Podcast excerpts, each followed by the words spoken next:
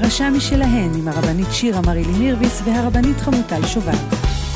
פודקאסט על פרשת השבוע מבית ישיבת אור תורה, מחניים.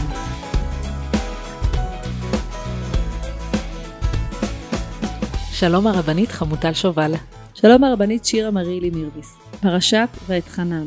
מהמילה הראשונה, כמו רושם ראשוני, נכון? זה זורק אותנו לתחושה, למקום, לכאב בטן. אנחנו יכולות לדמיין את משה רבנו עומד שם, מתחנן. ממש מתחנן, ואחרי זה הוא מקבל את הלא, והוא הולך לראות, הוא עולה על ההר והולך לראות את אה, הארץ המובטחת שאליה הוא לא יגיע. אז בעצם הוא כבר יודע שהוא לא נכנס לארץ, נכון? אנחנו כבר דיברנו על זה בחומש הקודם, הוא יודע שהוא לא ייכנס לארץ כבר, הקדוש ברוך הוא אמר לו את זה, מרים ואהרון כבר נפטרו, ועדיין במין כאילו סיכוי אחרון, ניסיון אחרון, בכל זאת הוא עומד ומתחנן לפני הקדוש ברוך הוא ומבקש ממנו, אולי בכל זאת, אולי תיתן לי בכל זאת לעבור את הירדן ולהיכנס עם עם ישראל לארץ ישראל. ומה שמדהים שגם כשהוא מקבל את הלא, הוא ממשיך. הוא ממשיך בנאום שהוא פחות או יותר משימת חייו, ואומר, עם ישראל, גם כשאני לא אהיה פה, יהיו לכם חוקים, יהיו לכם מצוות, תישארו עם זה. ואחרי זה הוא ממשיך בפרשה ומתאר את הכניסה, להם, את הכניסה שלהם לארץ ואומר להם, אתם לא תלכו בדרך הישר, ועדיין אני אמשיך להגיד לכם מהי דרך הישר. אחר כך אנחנו משחזרים את מעמד הר סיני. זה גם קורה כאן בפרשה, כל זה מפרספקטיבה של שנת ה-40, יש פה ערי מקלט, ובכלל הנאום אה, של משה ממשיך קדימה עם המצוות. אז בואי נחזור שנייה ל"ויתחנן" הזה, כי באמת זה תופס אותנו כל כך חזק בבטן, מי מאיתנו לא עמדה בסיטואציה כזאתי, שהיא עומדת ומתפללת מכל הקישקע. עכשיו לא נעים לי לספר, אבל הסיפור שלי על תפילה הוא זה שכשאני זוכרת אה, מהאולפנה מנווה חנה שבה למדתי, אמר פעם הרב רונן בן דוד, אתן מתפללות מאוד יפה וכל הכבוד, אבל בואו נראה אתכם בבוקר של הבגרות במתמטיקה. ואכן, מצאתי את עצמי עומדת וקורעת שערי שמיים. אני וכל כיתה י"ב ביחד, בבוקר של הבגרות במתמטיקה, זה לא משנה בכמה יחידות היית, התפילה הייתה תפילה מהלב.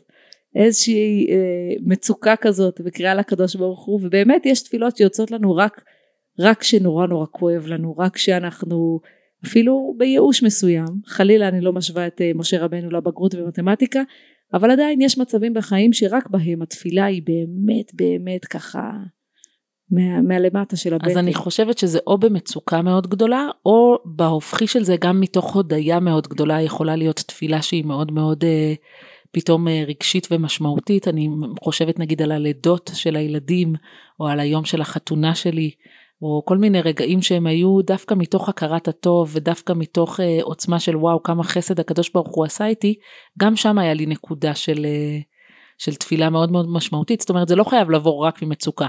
כן, אני חושבת שיש משהו אחר בעוצמה במצוקה? של מצוקה. כן. זאת אומרת, זה נכון שכשאנחנו רוצות להודות, תפילות הן נפלאות, ועדיין כשיש תחושה שהקדוש ברוך הוא אתה היחיד שיכול לעזור לי ולהוציא אותי מכאן ולהושיע אותי או להושיע מישהו אחר, העומק הוא אחר בעיניי, זה, זה עצוב. כן, זה חדר אחר בלב, אני כן, מסכימה. כן. אבל אה, כן, אז בואי שנייה נסתכל בקדושת הלוי, כשהוא גם קורא את המילה הזאת ואתחנן וכמונו הוא מרגיש אותה בבטן, והוא אומר שמה זה למה הפסוק אומר ואתחנן לאמור כאילו זה נראה מיותר אה, ואז הוא אומר בגלל שעוד לפני שמשה פותח בבקשה עוד לפני שמשה פותח בתפילה יש לו חלק שהוא פרי תפילה, שהוא לפני התפילה. ההקדמה שלפני. ההקדמה שלפני, כמו השם שפתיי תפתח ופי יגיד תהילתך. ככה אני מבינה את ה"ואתחנן" הזה. השם, בבקשה, אני רוצה להתפלל, אבל תעזור לי להתפלל את התפילה הזאת, כי אני לא יודעת איך להגיד את זה, אני לא יודעת איך לבטא את זה. השם, שפתיי תפתח ברגע שתפתח לי את הפה, ברגע שהמילים יצאו, אז אני אוכל להגיד תהילתך, אבל אתה צריך לעזור לי כן. בדבר הראשוני הזה, לפתוח את הפה. וזה בעצם ה"ואתחנן" של משה, ככה קורא אותו קדושת הלוי, שזה בעצם ההקדמה לתפילה של משה. אז גם רב צדוק הכהן מלובלין מסתכל על ה"ואתחנן" הזה, ובעצם אומר, משה מלמד אותנו כאן שיעור מאוד מאוד גדול. הוא אומר, אין ייאוש כלל, גם אם אתם נמצאים במצבים שאתם אומרים, אין כבר, הכל אבוד. אין על מה להתפלל, אין לי כבר מה להגיד, ברור שכבר הכל נגדי והכל כבר קרה, אומר לנו אם משה יתפלל דקה לפני, דקה במושגים, אני אומרת בצורה מושאלת, דקה לפני הכניסה לארץ, הוא לא מתייאש והוא אומר לקדוש ברוך הוא, תן לי להיכנס. אני מתחנן אליך, אומר רב צדוק הכהן, כל אחד מכם יכול. גם כשאתם חושבים שהכל אבוד, משה מלמד אתכם תמיד תמיד להתפלל. וזה, וזה מאוד מאוד חשוב, כי יש קטע כזה שהצועק לשעבר, נכון? כן. תפילת שווא, שמלמדים כן. אותנו שכשדברים כבר קרו, אז לא להתפלל. ואני כן. חושבת שרב צדוק הכהן אומר, תמיד תתפללו. אפילו חרב חדה מונחת על צווארו של אדם, אל ימנע עצמו מן הרחמים. כן. בעצם תמיד לבקש תמיד אפשר. עם משה רבנו שידע שהוא יקבל לא, וכבר נאמר לו אתה לא תיכנס לארץ, עדיין מבקש, גם אתם תבקשו. כן. זה מאוד יפה, זה שיעור יפה בעיניי בתפילה. אז באמת אחרי ה"ואתחנן" הזה בעצם מה שקורה זה שמשה מספר לבני ישראל על עשרת הדיברות, כאילו הוא מספר להם מה היה שם במעמד הר סיני, אבל הפעם מתוך הפרספקטיבה שלו, זאת אומרת איך משה חווה את זה. ולכן בעצם יש לנו שינוי, אם אנחנו מעמידים את עשרת הדיברות פה בפרשה שלנו לעומת עשרת הדיברות בספר שמות, יש הבדלים וכבר המון פרשנים עוסקים בזה על ההבדלים בין שמות לבין דברים ובעצם כל ההבדלים האלו נובעים מנקודת המבט. פה זה משה עומד שמה ויש לו דברים שחשוב לו להדגיש. הוא לא בא להגיד להם מה היה יומן מסע, תיאור היסטורי, 323 אה, עמדתם מתחת להר, 324 הקדוש ברוך הוא נגלה, אלא יש פה עניין להגיד להם מה חשוב לי שתזכרו מתוך החוויה הזאת. והדבר הראשון שמשה רבנו אומר שחשוב לו מתוך החוויה הזאתי זה אנוכי עומד. אני הייתי הצינור ביניכם לבין הקדוש ברוך הוא. אומר הרש"ר הירש בצורה מאוד מאוד רגישה למילים כמו שרק הרש"ר הירש יודע אני חושבת. הוא אומר בעצם היה חשוב למשה להדגיש לעם ישראל שזה לא התורה שלו. זה לא שהוא נותן לעם ישראל תורה. אלא זה שהוא מעביר את התורה מהקדוש ברוך הוא לעם ישראל, הוא רק המתווך, הוא רק זה שעומד באמצע. והוא הק... כן אומר להם, אני הייתי יותר קרוב אל השם מאשר אתם הייתם, זה נכון. באמת הייתי במקום אחר מכם ועדיין התורה הזאת היא לא שלי, של הקדוש ברוך הוא, אל תתבלבלו, אל תאבדו את העניין הזה, זה נכון שהייתי יותר קרוב, זה נכון שאתם פחדתם נורא, התורה היא מאת הקדוש ברוך הוא, כי נורא קל להתבלבל פה. כן, כאילו לראות את השליח בתור הדבר עצמו. והוא אומר להם, אני רק השליח. אני לא מביא התורה, אני רק מעביר אותה. ובכלל מאוד מעניין לראות בספר דברים את כל הפרספקטיבה הזאת של משה, שפתאום מספר את הסיפור מהזווית שלו. נכון, יש סרטים כאלה שעושים ולוקחים את אותו סיפור ונותנים כל פעם נקודת מבט של מישהו אחר, והסיפור מסתפר באופן אחר לגמרי. או כשחלילה, אני, יש לי דוגמאות מהבנות שלי שהן רבות וכל אחת מתארת מה היה שם עם הגלידה. נכון. איך נעלמה הגלידה מהפריזר? זה הראיות, אין גלידה יותר בפריזר, וכל אחת מספרת סיפור ואיכשהו הסיפורים לא מתחברים. זה נורא חמוד כי יש לך בנות, אצלנו זה באמצע המכות, איך 아, אה, הכל התחיל. יפה, איך הכל התחיל. אז, אז כל אחת מספרת סיפור אחר לגמרי, בסוף אנחנו מגיעים לנקודה האחרונה שאין גלידה, אבל הפרספקטיבות של הסיפור ושל הריב ומי לקח למי ומי אכל את מה ומי התחיל, הן כל כך שונות מכל נקודת מבט. ופתאום יש משהו מאוד מאוד חומל במבט הזה של משה שמסתכל על המאורעות ומזכיר להם אותם.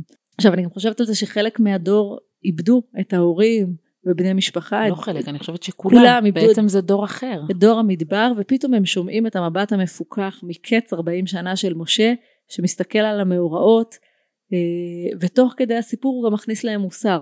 זאת אומרת כמו שאמרת זה לא ספר היסטוריה הוא לא בא לספר מה היה אלא הוא בא להגיד אלה המאורעות שהיו ולתת. את הדגשים שלו לסיפור. בדיוק, וזה מה שחשוב בעיניו בסיפור, ולכן כשמגיעים לעשרת הדיברות הוא אומר, אני עמדתי יותר קרוב, אבל שלא תחשבו שהתורה היא שלי. אז הרמב"ן שואל על זה, בעצם יש לנו פה פעמיים, גם בפרק ד' וגם בפרק ה', שמזכירים את הר סיני בצמידות מאוד מאוד קרובה. שואל על זה הרמב"ן, מה, מה בעצם, למה זה עוזר לי? למה מספרים לי את זה פעם אחרי פעם? מה אני לומד מכאן? ולמה כל פעם מספרים לי על זה טיפה אחרת? ואז הוא אומר, קודם כל שאנחנו מדברים פה על שני נאומים שונים, בעצם פרק ד' הוא הסיכום של הנאום של ההתחלה של משה, ופרק ה' כבר מתחיל את הנאום של נאום המצוות, אבל אנחנו לא ניכנס לזה, אני רק רציתי לומר שהרמב"ן אומר, עומד פה על משהו מאוד יפה, שהוא אומר, לפני שאני אומר לכם את עשרת הדיברות, בואו נדבר שנייה על החוויה. איך עמדתם שם בהר סיני, איך פחדתם, איך הקדוש ברוך הוא שמעתם את הקול שלו, והיה רעש, ומה הייתה התחושה, חוויית ההתגלות. זה התיאור הראשון שיש לנו על הר סיני. ואחרי שיש לנו את התיאור הראשון הזה שמכניס אותנו לאווירה, שמספר לנו ומדבר לנו על החוויה, אז יש לנו את נאום המצוות בפרק ה', אז יש לנו בעצם את התוכן, אבל כדי לשמוע את התוכן, כדי להיות מסוגל להקשיב לעשרת הדיברות, אתה צריך קודם לדבר על החוויה של ומה היא עשה לך, כאילו לאיזה set of mind זה מכניס אותך. היית פעם בסיום קורס טיס? לא. אז תיסעי, אני הייתי uh, כמה פעמים. אני מחכה שהבן שלי יסיים, או, הוא בן בבקשה. 15, ממש עוד רגע. כן. אז אני הייתי כמה פעמים, זה חלילה, אני לא באה להשוות, אבל זאת מגה חוויה.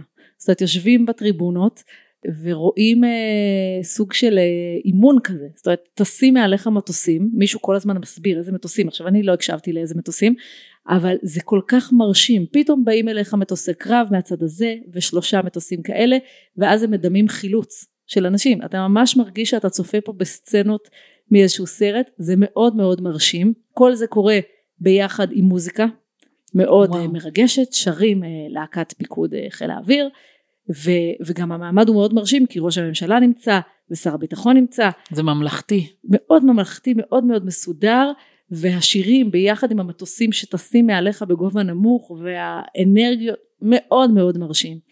וזה מצחיק כי כשהייתי שם עם ילדים, אז אתה יוצא עם הילדים ואתה שואל אותם מה, מה היה יפה, אז חלק מהילדים אומרים החילוץ והאש והמטוס הזה והמטוס הזה, ואז אבא שלי אמר מה זאת אומרת לא הקשבת למה שאמר ראש הממשלה? אז אמרתי לו אני האמת לא, לא כך מה, הוא דיבר? אז אבא שלי אמר מה זאת אומרת? את לא שמעת? הוא אמר ככה והוא אמר ככה וזה נורא משמעותי היה הנאום ושר הביטחון בכלל. אמרתי לו אבא פה בכלל. לא לא כך הקשבתי. וזה קצת הזכיר לי את הרמב"ן שיש פה שני שלבים. כן. זאת אומרת משה אומר להם קודם כל אתם הייתם בחוויה שהייתה מאוד מאוד חושית. והיא הייתה מטלטלת. מאוד וזה חלק ממה שאתם צריכים לזכור לפני שאנחנו מדברים על עשרת הדיברות בעצמן. על התוכן. בואו תזכרו איזה מעמד מופלא הייתם בו כי זה חלק מהזיכרון. עכשיו אנחנו שכל מה שנותר לנו לדמיין אנחנו מדמיינים את הקולות והברקים והעשן וה... והדממה. והדממה. והרמב"ן אומר חכו תישארו שם כמה דקות בטקס הזה בחוויה המרוממת הזאת ואחר כך נדבר על עשרת הדיברות אחר כך נחזור על מה ששמעתם אבל את, אתם צריכים להיזכר באיך זה היה כי בעצם רק אם יהיה לכם את החוויה, תבינו את הכוח של המעמד שהיה שם, ואז אתם תקשיבו למילים האלו אחרת, ותוכלו להפנים את זה או להקשיב לזה בצורה ממקום אחר בנפש. בדיוק זה טקס שבנוי גם מהחוויה החושית וגם בוודאי אה, מעשרת הדיברות אה, בעצמם.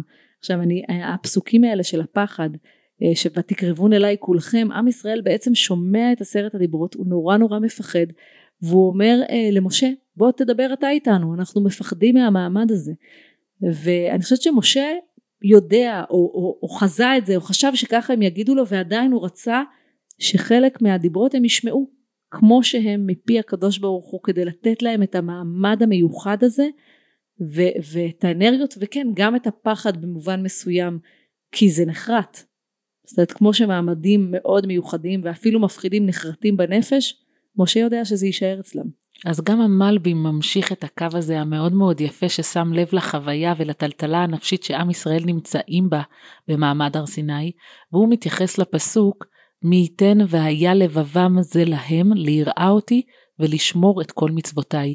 כאילו הקדוש ברוך הוא מבקש על עם ישראל שהלב שלהם כאילו מתוך בחירה הם יבחרו לפחד מהקדוש ברוך הוא והם יבחרו לשמור את המצוות של הקדוש ברוך הוא ממקום בחירי.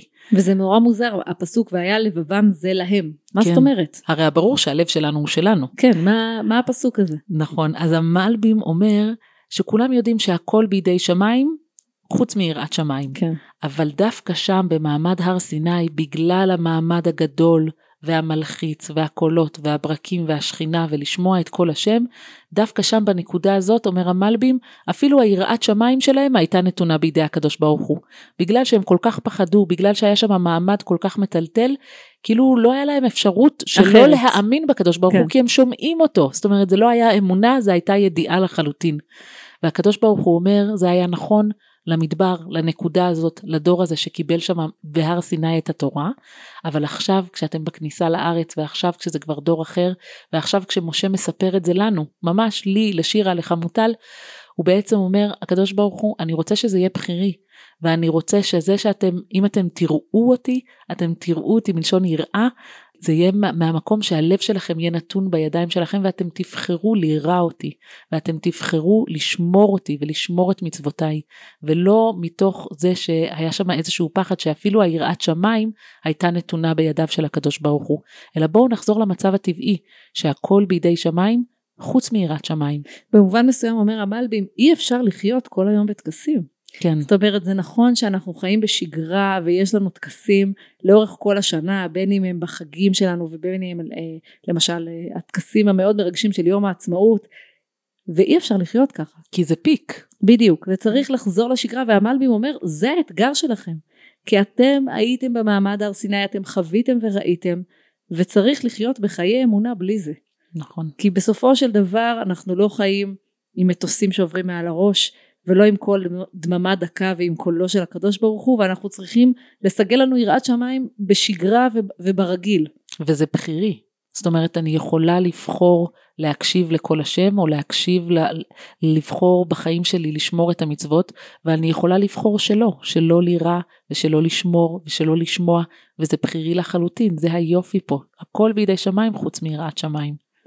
אז באמת אה, אפרופו שגרה וטקסים עברנו את אה, תשעה באב ואנחנו נכנסים לשבע הפטרות הנחמה יש לנו שבע שבתות בין תשעה באב אה, לימים נוראים ככה קוראים להפטרות האלה אנחנו עברנו את האבל הגדול של תשעה באב ושל איכה ועכשיו אנחנו קוראים אה, נבואות נחמה נכון? ואיזה יופי זה שזה פותח בהפטרה הכל כך יפה הזאתי נכון נחמו נחמו עמי. כן. יש פה משהו שכדי להתמודד לא עלינו בן אדם שאיבד, אה, שאיבד מישהו, אז הוא יודע ששנייה לפני שאפשר לבנות, צריך קודם כל להיות באבל, נכון? כל פסיכולוג יגיד לך שיש כמה שלבים לאבל. צריך לקבל ניחומים. צריך, כן. לפני שאתה חושב קדימה וממשיך הלאה ובונה ומתקן ועושה, שנייה, צריך לשהות בכאב. ואני חושבת שההפטרה הזאת היא כל כך כל כך יפה, כי היא משאירה אותנו במקום הזה של, כן, היה פה קינה עכשיו, אנחנו בכינו עכשיו, היה פה חורבן, היה פה מאוד מאוד קשה לעם שלנו, ואנחנו שהינו בכאב הזה, אנחנו דיברנו את הכאב הזה, ועכשיו אנחנו מקבלים עליו ניחומים. ו- ואנחנו צריכים להיות במקום הזה של נחמה, לפני שאנחנו יוצאים לעשייה, לפני שאנחנו יוצאים לתיקון, יש הרבה מה לתקן, יש הרבה מה לעשות, אנחנו שנייה אחרי חורבן, ובטח שיש מה לתקן ולעשות, אבל לפני שאנחנו נכנסים לתיקון ולעשייה ולחשיבה קדימה, אנחנו קודם כל צריכים להיות במקום של אחרי שהיינו באבל, להיות במקום של הנחמה. ולקבל ניחומים אפשר כל הזמן. זאת אומרת, גם אנחנו היום, שלושת אלפים ומשהו שנה אחרי החורבן הגדול, עדיין יכולים להמשיך לקבל נחמו נחמו עמי. כן. להבדיל אלף אלפי הבדלות, אני השנה התקשר אליי בן אדם ואמר לי שלום, קראתי עלייך את הכתבה במקור ראשון ואיזה יופי וזה וזה. הוא אומר לי יכול להיות שקראו לאבא שלך יצחק? מה שלום אבא שלך? הוא היה מורה שלי. אוי ואבוי. ואני ככה לקח לי שנייה ואמרתי לו כן אני חושבת שאבא שלי באמת היה המורה שלך הוא סיפר לי איפה אבא שלי לימד אותו וזה ואמרתי לו והוא אמר לי נו ומה שלום אבא איך אני שמח לשמוע עליו. ואמרתי לו אני ממש מצטערת לספר לך אבל אבא נפטר וואו. ואתה בדיוק מתקשר היום זה יום האזכרה שלו. וואו. וזה היה ב, ממש בשילוב תאריכים מאוד מאוד מצמרר, הוא באמת התקשר אליי, אני בבית כנסת עורכת לק, את השולחנות לקראת האזכרה, מי שמכיר אזכרות של מרוקאים זה הרבה אוכל מעורב שם, וערכנו שם השולחנות כל האחים, ופתאום, ופתאום הוא מתקשר. הוא מתקשר אליי, ואני, והרגשתי א' שאני צריכה לספר לו שאבא נפטר, ואז הוא התחיל לנחם אותי. וואו. הוא אמר לי אני כל כך מצטער ואבא שלך היה כזה איש צדיק ואני מצטער על האובדן שלך ו... ואמרתי לו, והוא אומר לי, אוי, אני מצטער שאני מנחם אותך, כמה שנים עברו מאז? אמרתי לו, עברו ארבע שנים, ואני עדיין מקבלת ניחומים. אני ממש במקום שאפשר לנחם אותי, בבקשה, תנחם אותי. והאיש הצדיק הזה הגיע באותו יום לאזכרה, והוא אמר לי, אני הרגשתי שזה לא סגור אצלי, אני לא הייתי בשבעה ואני לא הייתי בהלוויה, ואני רוצה לנחם אתכם. מבחינתו הוא חווה את האבל אז. כן, והוא בא והוא דיבר עם אימא שלי והוא הציג את עצמו ולאחים, והוא ניחם אותנו. ואני חושבת שיש בזה משהו של אה, שאנשים אה, אומרים לי המקום ינחם אתכם. אז אני אומרת לו כן אפשר עדיין להגיד. אני, אני לגמרי במקום שאפשר לנחם וגם הנחמו נחמו עמי הזה. זה נכון שחווינו את זה מזמן והיה שם השבר שהוא היה לפני אלפי שנים אבל א' אני ממש חושבת שאנחנו חיים עם צלקת כן. בעם שלנו, והיא צלקת של חורבן, ואנחנו צריכים להמשיך אה, לשאת אותה בגאון, וללמוד ממנה, ולנשום אותה, ולנשום דרכה, דרך הצלקת הזאתי, וככה להמשיך לתקן ולעשות. ובמקום אחר אני חושבת שכדי להמשיך, כדי להיות בשלב הזה שאנחנו מתקנים ועושים הלאה, אנחנו קודם כל צריכים להיות בשלב של הניחומים. אז כן, גם אפשר לנחם אותנו עדיין על החורבן, ואפשר להגיד לנו נחמו נחמו עמי. זה יופי.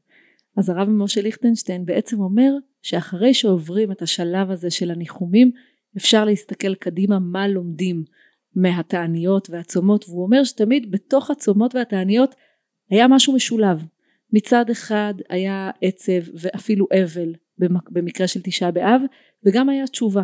זאת אומרת אנחנו מתחילים להרים את הראש להסתכל אל האופק לכיוון הימים הנוראים שתכף יגיעו ואנחנו יכולים להתחיל לעשות תשובה כי באמת שבע ההפטרות הן מובילות אותנו מתשעה באב ועד ראש השנה. כן. ממש ככה, הן תופרות את שני החגים, אירועים, לא חגים כי תשעה באב זה לא חג, אבל כן. הן קושרות לנו ביחד את תשעה באב יחד עם הימים הנוראים.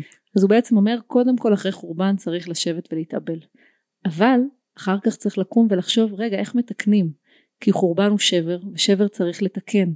ולכן יש את השניות הזאת בתוך ההפטרות האלה קודם כל נחמו נחמו עמי על העצב הגדול ועל החורבן הבלתי נתפס ואחר כך הנה איפה התיקון איפה אנחנו יכולים לקום ולעשות תשובה ולנסות לתקן כדי שחלילה לא יקרה חורבן אה, שנית. או שחלילה גם לא נשאר תמיד באבל. זאת כן. אומרת יש משהו שהוא מאוד אה, מושך או מאוד נוח להישאר באבל, להישאר בעצב, להישאר בטיפה רחמים עצמיים ובעצם הקישור הזה לראש השנה או לימים נוראים אומר לנו עם כל הכבוד לאבל צריך להמשיך הלאה והאבל הזה חייב להוביל העצב חייב להוביל לתיקון והתיקון הזה צריך להיעשות ברמה האישית וברמה הלאומית ולשם ההפטרות כאילו נושאות אותנו הנחמה אל תוך התיקון של התשובה. ואני הולכת עם זה עם המסר הזה שאם משה יתחנן גם אנחנו יכולים. שבת שלום. שבת שלום.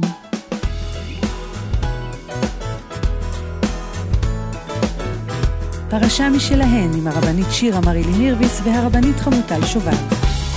פודקאסט על פרשת השבוע מבית ישיבת אור תורה, מחניים.